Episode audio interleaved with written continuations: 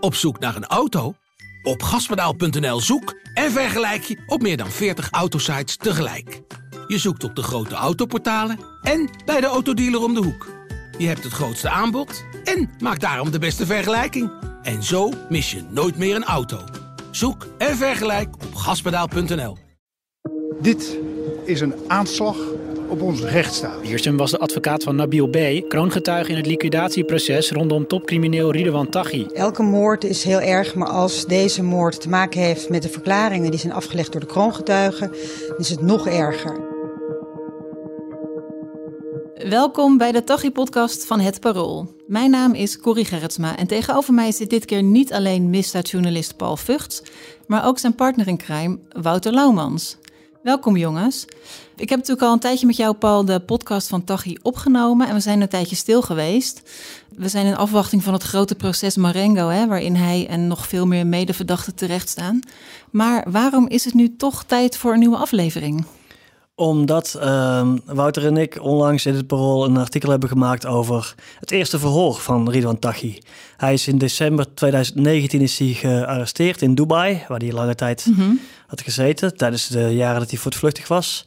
En uh, toen hij net was overgebracht naar Nederland, nou ja, na een paar weken hebben ze hem in de extra beveiligde inrichting in Vught, waar hij gedetineerd zit, uh, verhoord in een aparte studio, speciaal voor hem uh, gebouwd.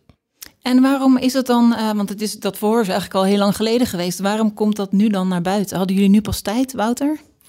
Uh, nee, het kwam tot ons, zoals dat heet. Het kwam tot jullie? ja, zo, zo, zo, dat, dat krijg je natuurlijk gewoon van iemand toegespeeld. Uh, uh, en we zaten er volgens mij alle twee al best lang. Ik zat er in elk geval al best lang achteraan. En, en, en Paul volgens mij ook. En toen kregen we het. En ja, dat was, dat was eigenlijk wel fijn. Dat je, dat je, en de, dan is het ook gelijk fit to print. Dus dan ga je een stuk maken. En dan gaat het de krant in. Oké, okay, dus het was niet een, een openbaar verhoor wat alle journalisten eigenlijk gekregen hebben? Nee, nee, het is, dit is nog uh, allemaal in de voorbereidende fase. En het interessante is dat uh, Ridwan Taghi... Sowieso zegt hij niks over de inhoud van de verdenking, hoor. Dus we moeten niet de hoge verwachtingen scheppen daar op dat vlak. Maar mm -hmm. wel heeft hij voor het eerst daar wat gesproken over zichzelf. En dat heet een uh, sociaal verhoor, noemen rechercheurs dat. Dus een dus, soort om elkaar te leren kennen? Ja, ja nee, dat is... Dat is um, bij grote zaken is het uh, gebruikelijk dat, dat recherche dan probeert gewoon eens even vragen te stellen over iemands afkomst, iemands uh, uh, nou, privé, voor wat hij dan ook over te vertellen heeft. En praat je pot noemen ze dat binnen de recherche ook wel. En het idee is dat als je dan al een beetje in gesprek bent, dat het later ook beter loopt als het inhoudelijke verhoor zou moeten gaan beginnen. Al zijn we van Tachi wel een beetje beducht dat hij niet zo heel veel gaat zeggen inhoudelijk. Nee, want hij is dus verhoord en is het dan een half uur of zit hij daar dagenlang in die studio, denk je? Nou, dit is, dat, dat eerste verhoor is gewoon een aantal uur geweest. Dus dat is van s ochtends vroeg tot uh, ergens in de middag drie uur, als ik het goed, uh, als ik het goed voor me heb. Uh, en dat zijn, ja, je ziet ook dat die, dat die regisseurs proberen een soort klik met hem te, te, te creëren. Dus ze vragen allemaal dingen zo van... Uh, nou, als je uh, Nederland tegen Marokko uh, speelt in de finale van het WK... wie wordt er kampioen? Met andere woorden, voor wie ben jij? Wie ben jij? Hoe sta jij in het leven? en dat is, dat is eigenlijk wat ze... Wat ze tijdens zo'n eerste verhoor proberen. Ja, en, en heeft hij dan zin om daar aan mee te werken? Ik kan me ook voorstellen dat je denkt: waarom zou ik dat überhaupt doen? Nou, hij, hij staat daar niet heel welwillend of uh, heel onwelwillend tegenover. Hij, hij reageert wel een tikje cynisch op dat. Hij, hij doorziet het volgens mij wel. Uh, maar ja, dat is natuurlijk wel een beetje psychologie van de koude grond. Hij doorziet dat ze uh, met hem een klik aan het creëren zijn. Hij zegt van ja, jongens, jullie doen gewoon je werk. Dus ik geef best wel antwoorden op dingen van rookje en, en, en algemene dingen. Maar echt inhoudelijk op de zaken, zoals Paul het net ook zei, mm -hmm. gaat hij niet in. Wat ook wel grappig is om te beseffen, is dat hij heel lang alleen zit. Die AB heeft hij, uh, hij zit daar in afzondering, ziet bijna niemand als advocaat. Dus hij is eigenlijk bijna blij dat hij kan praten misschien. Ik, hij zal het zelf nooit toegeven, denk ik. Uh, als ik het voor zover ik hem ja. qua psychologie van de koude grond een klein beetje probeer te doorgronden. Maar uh, je merkt wel, hij is gewoon hij praat wel. Uh, en normaal zit hij tussen die muren en in een heel streng regime. Nu hebben ze speciaal voor hem die verhoorstudio opgebouwd. Ze ko- komen op zondag, daar heeft hij het ook nog over. Want eh, hij ziet wel in dat het niet vaak op zondag zal zijn, een, eh, een verhoor. Waarom dat overigens is, weet ik niet precies. Eh, maar mensen hebben allemaal vrijgenomen om, eh, eh, of in een, op een vrije zondag, zegt hij, komen ze toch maar hem eh, verhoren. Je merkt dat hij links of rechtsom toch wel eh, een klein beetje eh, zich ervan bewust is dat hij persoonlijke aandacht krijgt, die Ja. hij weinig verder krijgt. Maar hij heeft ook wel een soort privileges, hè? Dus het is In de EBI bedoel je daar? Nou ja, voorafgaand aan dat verhoor, eh, dus ook wat, wat, wat ik wel opmerkelijk vond, is dat hij op een gegeven moment zegt van, ja, ik ben niet geboeid hier naartoe gebracht. En dat is in de EBI echt extreem uitzonderlijk. En, en net zoals dat een verhoor in de EBI eigenlijk in de regel eh, achter glas zal plaatsvinden. Hè? Of alle gesprekken met Ja, dus ze doen eigenlijk voor je gevoel dan alles aan om hem het zo goed mogelijk te maken, zodat hij misschien eh, eh, van zins is om wat dingen te zeggen. Maar een klein beetje, voor zover dat kan, eh, ehm, een beetje op zijn gemak stellen. Hoewel iedereen wel eens inziet wat ieders positie is. En hij gaat echt niks zeggen waar hij geen zin in heeft. Nee, want dat, dat verhoor was, je zei, je zei het is een sociaal verhoor. Het gaat niet over de verdenkingen over hem, tegen hem. Van Nou, hem, kijk, stel, dat? nou, stel dat hij in minuut 2 zou zeggen... nou wil ik het toch wel eens even over al die liquidaties eh, hebben... en ik heb het allemaal gedaan. Dan neemt het voor wel een wending. Maar nee, Ja. dat is niet de insteek van, Van dit. cliffhanger was het niet. eh. Nee. Wat eh, is je bijgebleven? Of kan je iets noemen wat hij dan voor persoonlijke dingen gezegd heeft... die jij nog niet wist? Nou, wat interessant, eh, dingen die we wel wisten. Kijk, we- kennen hem van papier, hè? vreemd Mhm. genoeg. ehm, vaak s- schrijf je over eh, verdachten, criminelen, die je dan wel buiten al kende of in de rechtszaal wel eens eh, hebt gezien. En hier, eh, Wouter en ik schrijven al jaren over Ridwan Taghi, terwijl eh, geen van ons hem ooit heeft gesproken of gezien. Dat is echt Mhm. raar. Maar nog En- even, was dit verhoor op tape of was het uitgeschreven? Of heb je hem nu echt gehoord? Nee, het, het was een uitwerking van. eh, het, het is Mhm. allemaal wel opgenomen, maar eh, het is niet dat we bandopnames hebben Nee, geluisterd. ik ben daar, daar ben ik dus ook wel heel benieuwd naar. Het is gewoon heel gek, maar hoe praat die man? Ja. Wat voor een accent heeft hij? Dat is wel iets waarvan ik, dus wat dat betreft vond ik het ergens ook wel jammer dat de zitting van eh, maandag dus is uitgesteld. Omdat ik gewoon heel benieuwd was, gaat hij wat zeggen? En ja, heel raar, hoe, hoe klinkt zijn stem? En ik heb dat in het verleden bij andere strafzaken ook wel gehad. Dat ik dacht van de eerste keer dat bijvoorbeeld Dino Sorel in de rechtbank kwam. Toen ben ik wel ook gewoon van, wat, weet je wel, gewoon, ja, hoe heb je is mee te die man maken? in Ja. de rechtbank? Weet je wel? Wij zijn natuurlijk ook een soort voyeurs die in iemands leven zitten te vroeten al jarenlang. eh, niet tot zijn genoeg overigens, hij heeft een hekel als journalist. Dat komt ook nog wel aan de, Mhm. aan de orde.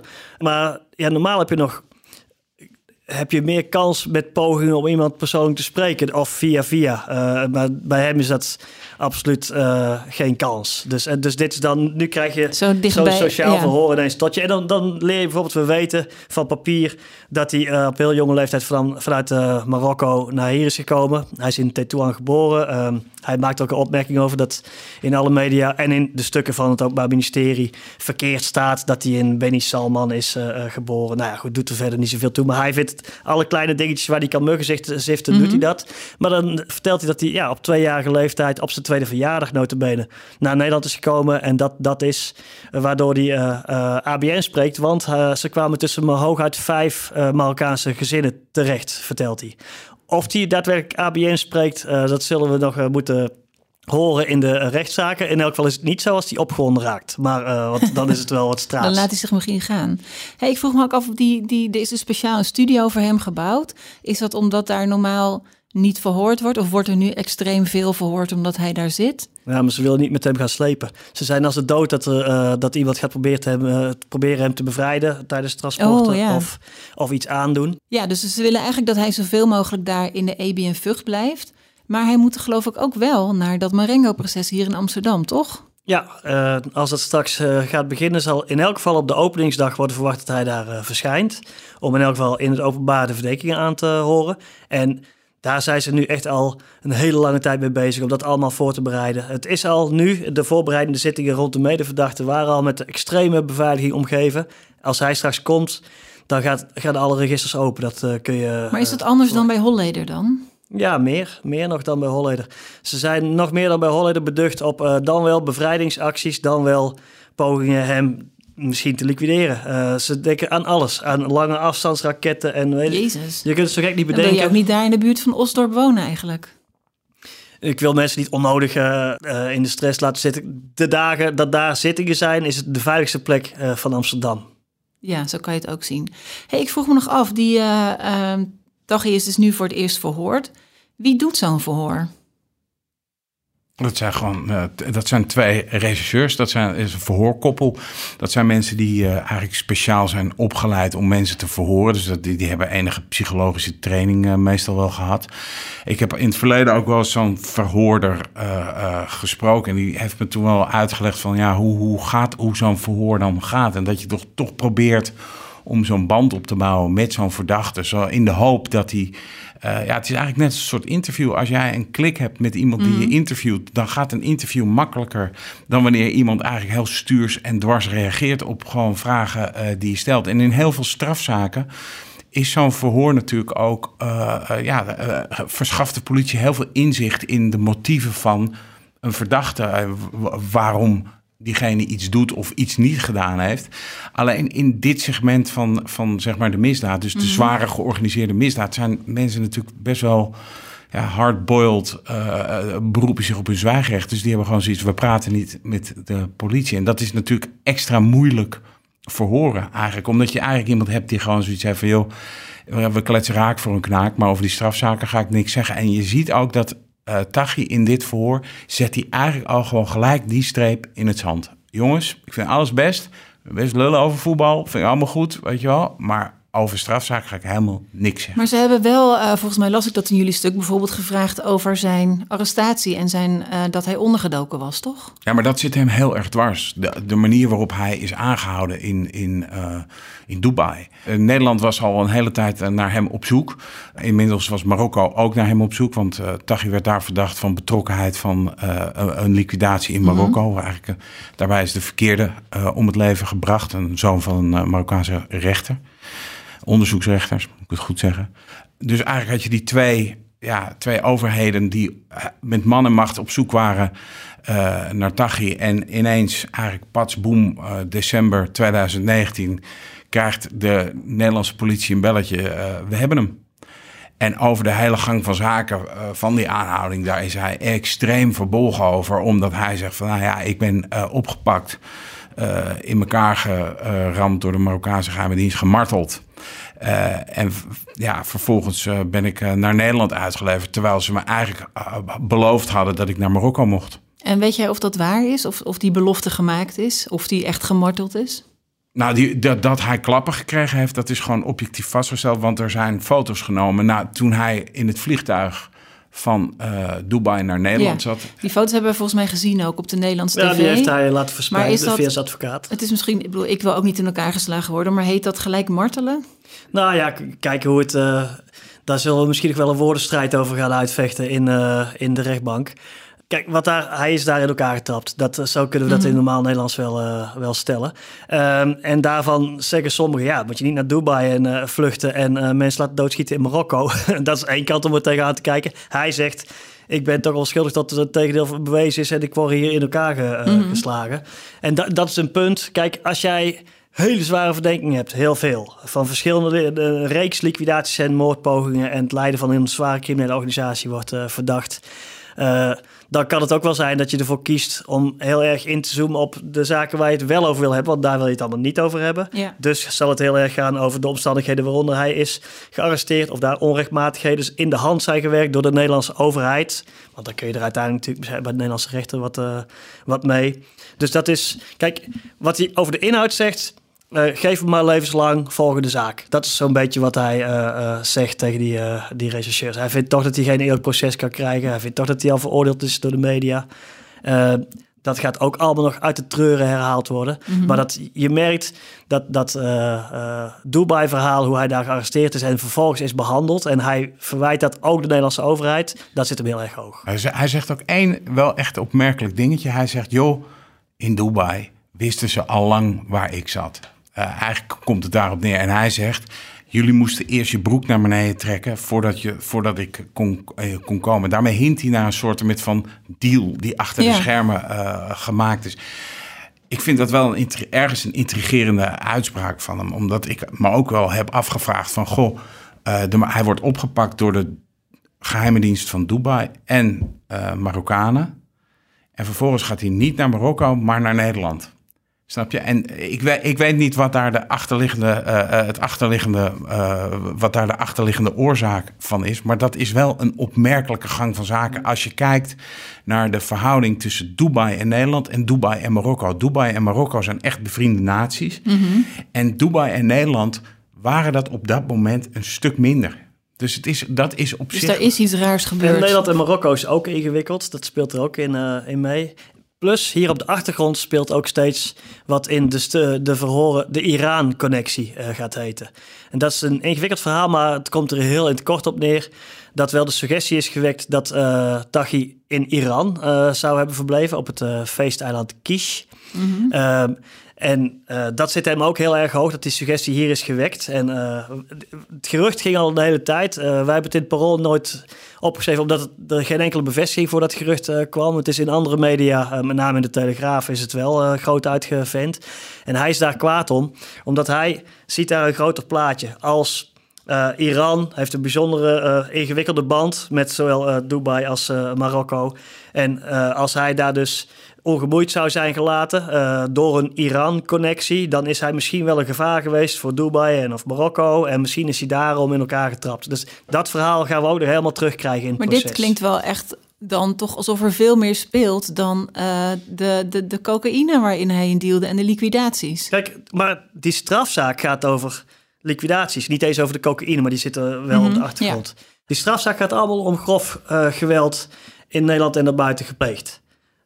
Maar dit is geopolitiek, zit er, zit er wel achter. En, dan kom ik wel weer terug op wat ik eerder zei. Als je heel erg niet de aandacht wil op de specifieke liquidaties waar het allemaal om gaat, dan kan misschien wel het raadzaam zijn om de aandacht op allerlei andere eh, zaken te vestigen. En dat gaat hij wel doen. Ik wou nog even terug naar zijn arrestatie, want hij zei, dat las ik in jullie stuk, dat er 100.000 euro was uitgeloofd en daar vond hij wat van. Ja, en dat is grappig, want hier in Nederland, eh, toen het uitgeloofd werd, jaren geleden, die eh, beloning, toen werd in het Nederlandse criminele milieu werd gezegd, "Ha, wat denken ze nou, dat iemand dagje gaat weggeven aan de overheid voor 100.000 euro, eh, met het risico, gezien zijn reputatie, dat je familie voor altijd gevaar loopt. Gewone kijkers van bijvoorbeeld Opsporing Verzocht kunnen denken... wauw, 100.000 euro, waarom geven we zoveel belastinggeld weg? En hij zegt er zelf over, hij noemt het Calvinistisch en gierig... dat er 100.000 euro voor hem eh, was uitgeloofd. Hij eh verondersteld wordt te hebben geleefd in een wereld... waarin honderden miljoenen omging. Hij heeft enorm hoog groot in de koken eh, gezeten. Dat, dat is ook niet wat hij heel erg had, wil weerspreken of zo. Daar gaat het ook helemaal niet over. Maar over die aanhouding in Dubai is er ook heel veel dingen die we gewoon nog niet weten. Hè?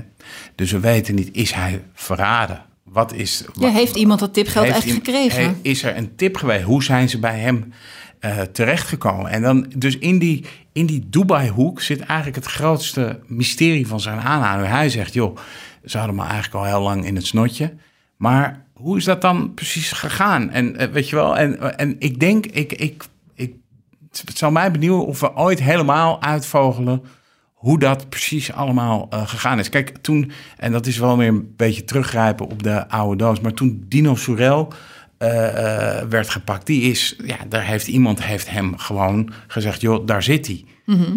En de vraag is dus, is dat in Dubai eigenlijk ook gebeurd? En heeft iemand, als hij al verlinkt is, is dat om dat tonnetje, zoals hij er zelf tegenaan kijkt? Of is er iets heel anders afgesproken? Dat kan ook nog, hè? Het kan ook dat het in het milieu een enorm veelvoud van dat bedrag is eh uit. Maar dat zullen we allemaal niet Maar- weten. Des te meer zullen we... Maar denk je dat we het wel te weten krijgen? Het heeft dan niet Nou. zoveel met het proces te maken, tenzij hij de kijk, weer heeft dus. Om... Wat er gaat gebeuren is, Ines Wesky en eh, haar kantoorgenoten zullen hier heel erg op blijven drammen. Omdat zij hier onrechtmatigheden eh, vermoeden met Mhm. hem. Dus er wordt steeds, men wil iedereen verhoren die hierbij betrokken is geweest. In Dubai, in Nederland. En wat, is, wat heeft de Nederlandse geheime dienst hier eventueel voor rol bij gespeeld? Wat heeft de IVD eh, voor rol gespeeld? Ehm, dus je hebt de geheime dienst van de recherche, de TCI, Team Criminele Inlichtingen, en je hebt de IVD. En die suggesties, daar gaan zij heel erg op zitten. Dus, dus Kamp Tachi zal heel erg proberen hier heel veel aandacht voor te krijgen. Ja. Op een enig moment zal, denk ik, het Openbaar Ministerie eh, proberen op de rem te staan en te zeggen: zullen we het over de inhoud van de zaak hebben, ehm, meneer Tachi en eh, advocaten?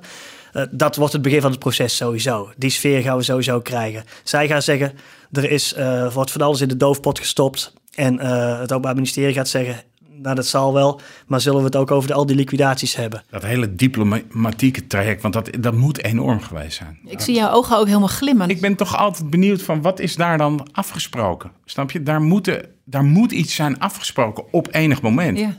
Hè, daar, moet een, daar moet een soort met van, nou jongens, wij nemen hem wel, eh, maar waarvoor? Wat is de... Het feit dat hij meteen na zijn arrestatie, dus hij is daar eh, zwaar mishandeld, dat is in Confesso. En vervolgens in een gecharterd vliegtuig gaan de Nederlanders hem ophalen met een zwaar bewaar, bewaakte delegatie. Dan wordt hij naar Eindhoven overgevlogen via een tussenstop in een helikopter naar de EBI. Uh, waarom ging dat allemaal zo super snel? Terwijl het ook heel vaak heel Het is helemaal gepland. Ja, er werd toen ook gezegd dat die, dat die uitlevering echt uh, opvallend snel was. Er is niet eens een overleverings, niet eens een uitleveringsbevel, een verzoek.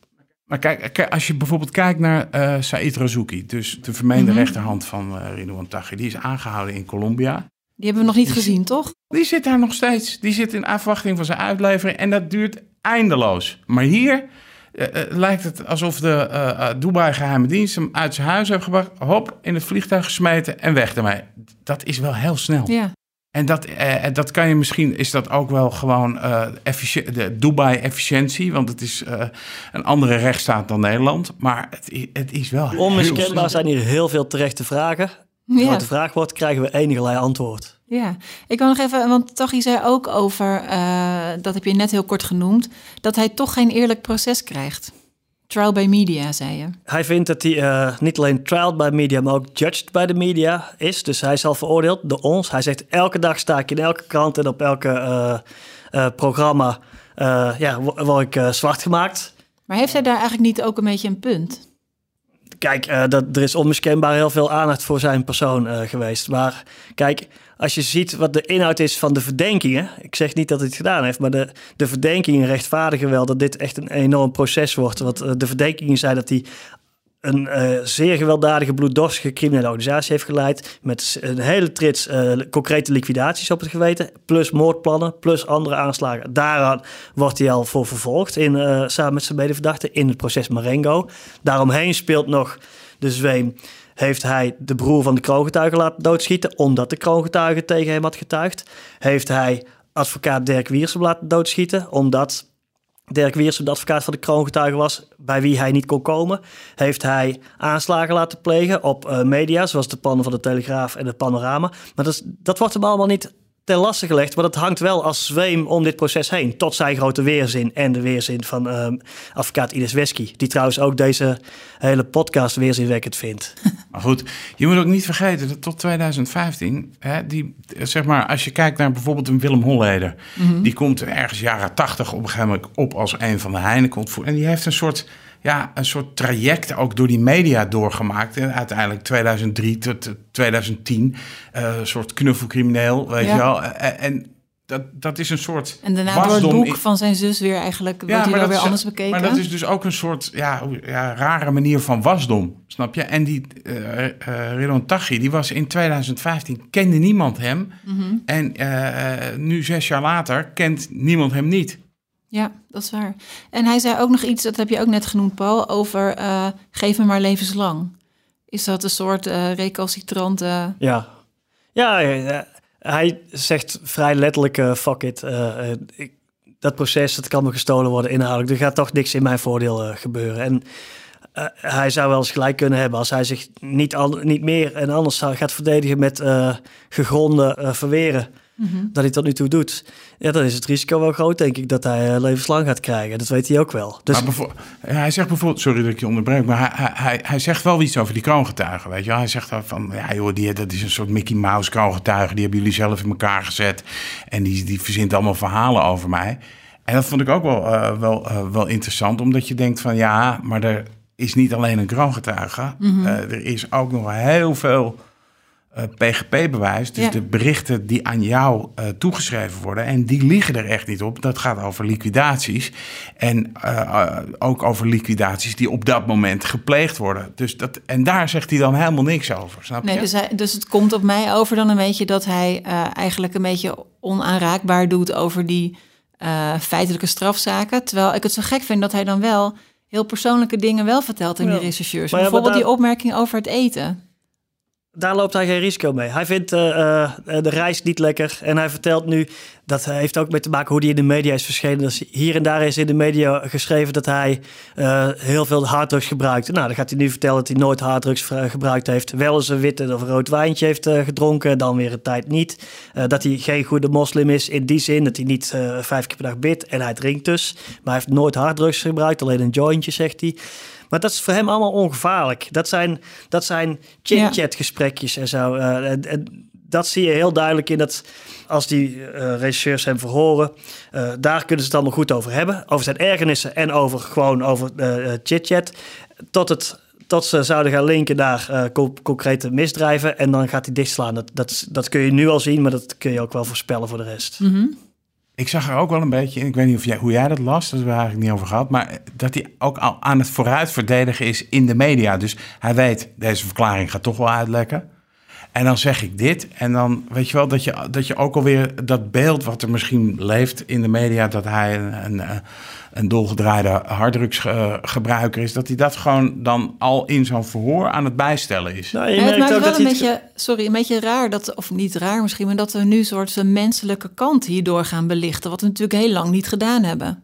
Ja, maar kijk, Wouter en ik eh, willen heel graag alle kanten van hem belichten. En dit was nog een kant die niet aan bod was gekomen. Maar ja, het is niet onze taak als journalist om daar zelf allemaal over te gaan filosoferen. Dus nu geeft hij zelf wat antwoorden.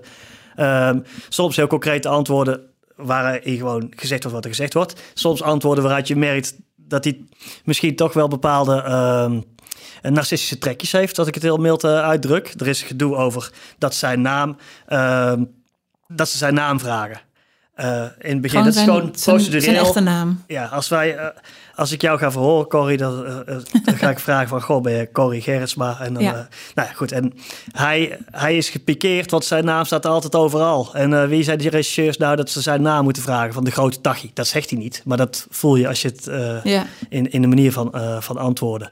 En dat vind ik ook wel weer iets zeggen. Dus zonder dat hij heel veel vragen beantwoordt, geeft hij toch wel weer een beeld van zichzelf. En ik vind dat alles in dit proces zijn we al jaren over bezig, gaat nog vele jaren eh, slepen. Ik vind, dit soort elementen zijn allemaal van belang om, om de persoon Tachi en de verdenking van alle kanten te kunnen belichten. Denk je dat we binnenkort eh, meer kunnen lezen over zijn verhoren, in het parool bijvoorbeeld? Wouter en ik zullen altijd ons best doen om alles te pakken te krijgen wat er is. Maar eh, over de inhoud van de zaak denk ik dat er nu nog niet zoveel te vinden is. En laten we dan ook nog even vooruit blikken, want daar gaan we denk ik onze volgende aflevering over maken. Tenzij er nog iets heel bijzonders gebeurt, wanneer het proces Marengo van start gaat. Wanneer gaat dat gebeuren? Volgens mij is er nu nog geen definitieve datum eh, vastgesteld. Kijk, ze hebben, er was een lijst met data. Nou, die, die, die, die, die strekte tot, eh, tot eh, hier en veel verder. en, en erna. Want hij is Eh, onverwacht uitgesteld, toch? Het zou half februari Het beginnen. zou 15 februari beginnen en eh, nu hebben ze vanwege corona, de coronamaatregelen, het is natuurlijk een enorm proces. En kijk, die bunker, eh, Wouter en ik kennen hem allebei heel goed, die is eh, niet heel erg ruim. En, en er gaat veel ruimte op aan beveiliging ook. Dus je zit uiteindelijk toch met vrij veel mensen op beperkt eh, oppervlak. Eh, en uiteindelijk heeft de rechtbank gedacht, nou ja, dit kunnen we gezien ook de Britse variant van het coronavirus en zo is, slaat het eigenlijk nergens op. Het is een beetje ehm, alsof je een Elfstedentocht zou willen gaan rijden of zo, nu ineens in corona, terwijl je niet eh, naar een voetbalwedstrijd mag, eh, Ja. amateurs tegen elkaar. Eh, de arbodienst zouden van gruwen. Ja, dus de, en nu hebben we de eerste mededeling van de rechtbank was, we houden de data die voor maart waren ingepland, houden we nog open. Nou, eh, mijn hand eraf als, eh, als in maart het proces gaat beginnen. Als je dat eenmaal op deze manier vanwege corona uitstelt, ga je natuurlijk niet drie weken later alsnog van Nee, start. dat kan je niet voorstellen, want over drie weken zitten wij heus ook niet allemaal weer in de kroeg. Zo is het. Dankjewel voor het luisteren allemaal. Wil je weten wanneer de volgende aflevering komt? Abonneer je dan op deze podcast. En je zou ons ook enorm helpen als je een beoordeling achterlaat op iTunes, zodat andere mensen deze podcast ook makkelijk kunnen vinden. Mijn naam is Corrie Gerritsma en deze podcast werd natuurlijk ook gemaakt door Paul Vugts, Wouter Laumans, redactie Rita Schrooyen, techniek en montage Iris Verhulsdonk.